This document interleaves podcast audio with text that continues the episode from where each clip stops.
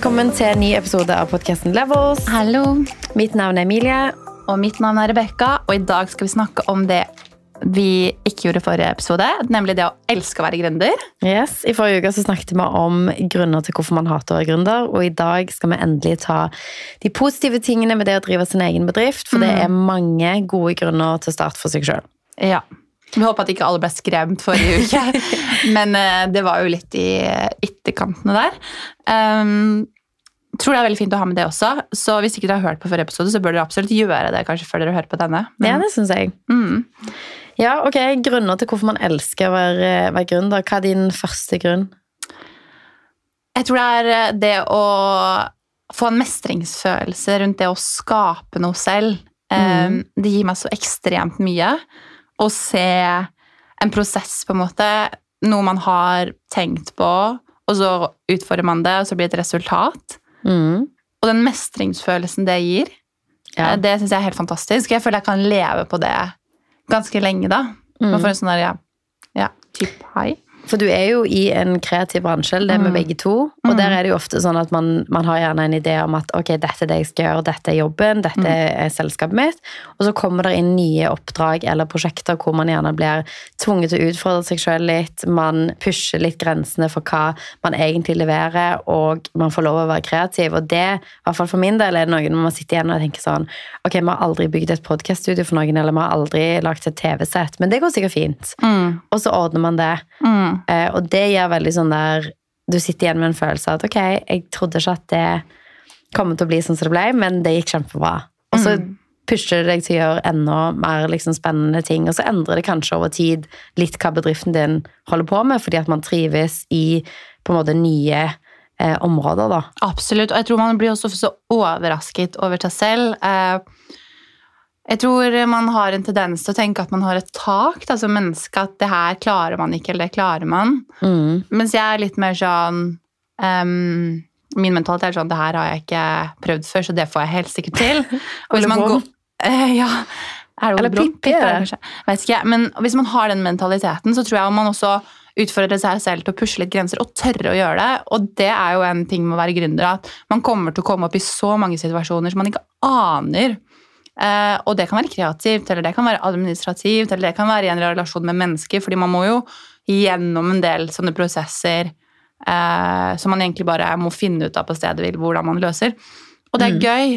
Eh, det er gøy å på en måte de der litt hindrene i veien, når man kommer over de, kommer over de, og så får en eller annen produkt eller resultat. Det er jo veldig gøy. Jeg vil jo si at jeg syns prosessen ofte er mer givende enn resultatet, kanskje. Mm. Um, for det er jo den som er med på formel, ja, produktet, hvis du skjønner. Ja, jeg skjønner hva du mener. Uh, og så gir det jo ekstremt mye adrenalin. Mm. For meg gjør det i hvert fall det. Du får litt kick. Jeg får kick, men det tror jeg er fordi uh, vi elsker jo det vi driver med. Vi er veldig liksom opptatt av det vi jobber med. Mm. Eh, uten å på en måte kaste ting ut i luft, løse lufta som ikke jeg vet, så er det sånn Jeg tror ikke jeg hadde vært så passionate uh, om for eksempel eh, Jeg vet ikke rengjøring, for eksempel. Fordi det er ikke mitt interessefelt, men siden man liker så godt det man driver med, da. Ja. Så det, det er bra. Jeg tror det er mange ting man på en måte sikkert kunne drevet med og lagt en bedrift ut av, og det er det mange som gjør òg. Mm. Man ser et behov i markedet for Mm. en eller annen service eller produkt, og så lager man det. Så er man heldig hvis det klaffer med noe man faktisk liker Ja. og interesserer seg for. Det tror jeg på en måte er en sånn miks som fungerer godt, da, i forhold til det å sitte igjen med mye overskudd fra det du holder på med. Absolutt. En annen ting som jeg bare elsker, er jo det å tjene penger. Ja, det gir Eh. eh, på en måte en helt annen frihet, kan man si. Å tjene sine egne penger. Ja. Eh, og vi snakka jo om det i forrige episode, å være blakk. Mm. Men det er dødsnice å føle at man har sykt mye Mm. penger på konto.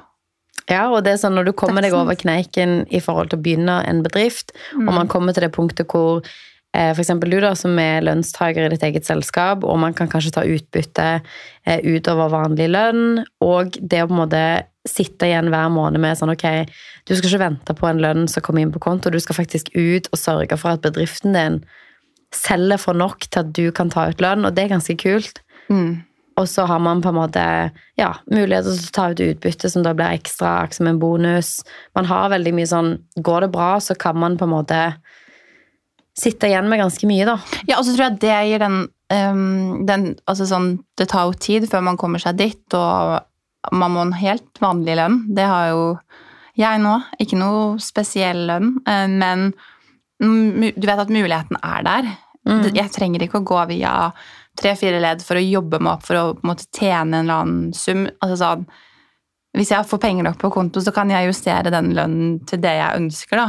Mm. Gitt at jeg jobber hardt nok for det, eller tjener nok penger til det. Og det er liksom sånn, Bare vite at man kan klare det på sikt, gir jo også en eller annen motivasjon for å jobbe hardt. da. Fordi I ditt tilfelle så har jo du gått fra å være lønnstaker i et annet selskap til å bli lønnstaker i ditt eget selskap. Mm. Og det gir jo, i hvert fall når du har kommet gå over til det at selskapet ditt er stabilt og du tjener penger, så kan du jo justere lønnen din sånn som du vil, du kan justere utbytte osv. I mitt tilfelle så har jo fram til nå gründervirksomheten min vært en sideinntekt for hovedinntekten min. Mm. Og det har jo gitt meg selvfølgelig en økonomisk oppside, men det har gitt meg mye frihet. Mm. Jeg har jo på en måte i mitt tilfelle spart nesten 90 av det jeg tjener i min vanlige jobb, mm. fordi at jeg har kunnet leve av inntektene jeg har hatt f.eks. på Instagram mm. eller gjennom vårt selskap, um, eller andre ting, sånn som f.eks. flipping. Sånn at uavhengig av om man, en, om man er gründer som fulltidsjobb, eller om man gjør det som en sideinntekt, så gir det veldig sånn fleksibilitet. Det gjør det. Det gjør jo det.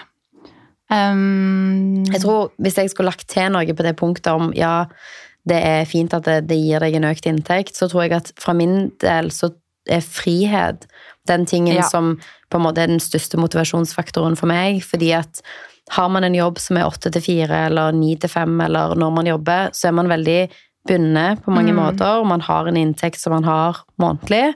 Mens hvis man supplerer med en ekstra inntekt, eller man er ansatt av seg sjøl, så har man utrolig mye mer frihet til at man er ikke bundet av et sted eller til på en måte tid i forhold til når man får lønn osv. Man på en måte kan styre veldig mange av de tingene sjøl, mm. og kan si ja til prosjekter som man ønsker å gjøre basert på rett og slett at man er motivert til det, kontra at man får servert ting man skal jobbe med. Og noen ganger betyr det at man, man må ta inn jobber for å kunne betale seg sjøl lønn, og andre ganger, hvis det er en sidejobb, så er det jo kun supplerende inntekt. Mm. Og det gjør jo at man kan investere mer, man kan mm. kanskje eh, gjøre prosjekter som eiendom, eller man kan få ja. råd til å kjøpe et utleieobjekt. Man har ja. mye frihet, da.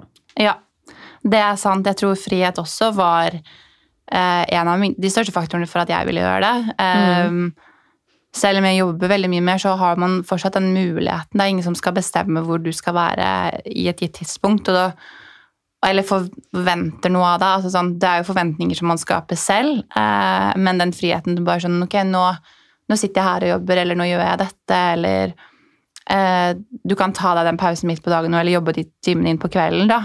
Um, jeg syns også den friheten er helt fantastisk.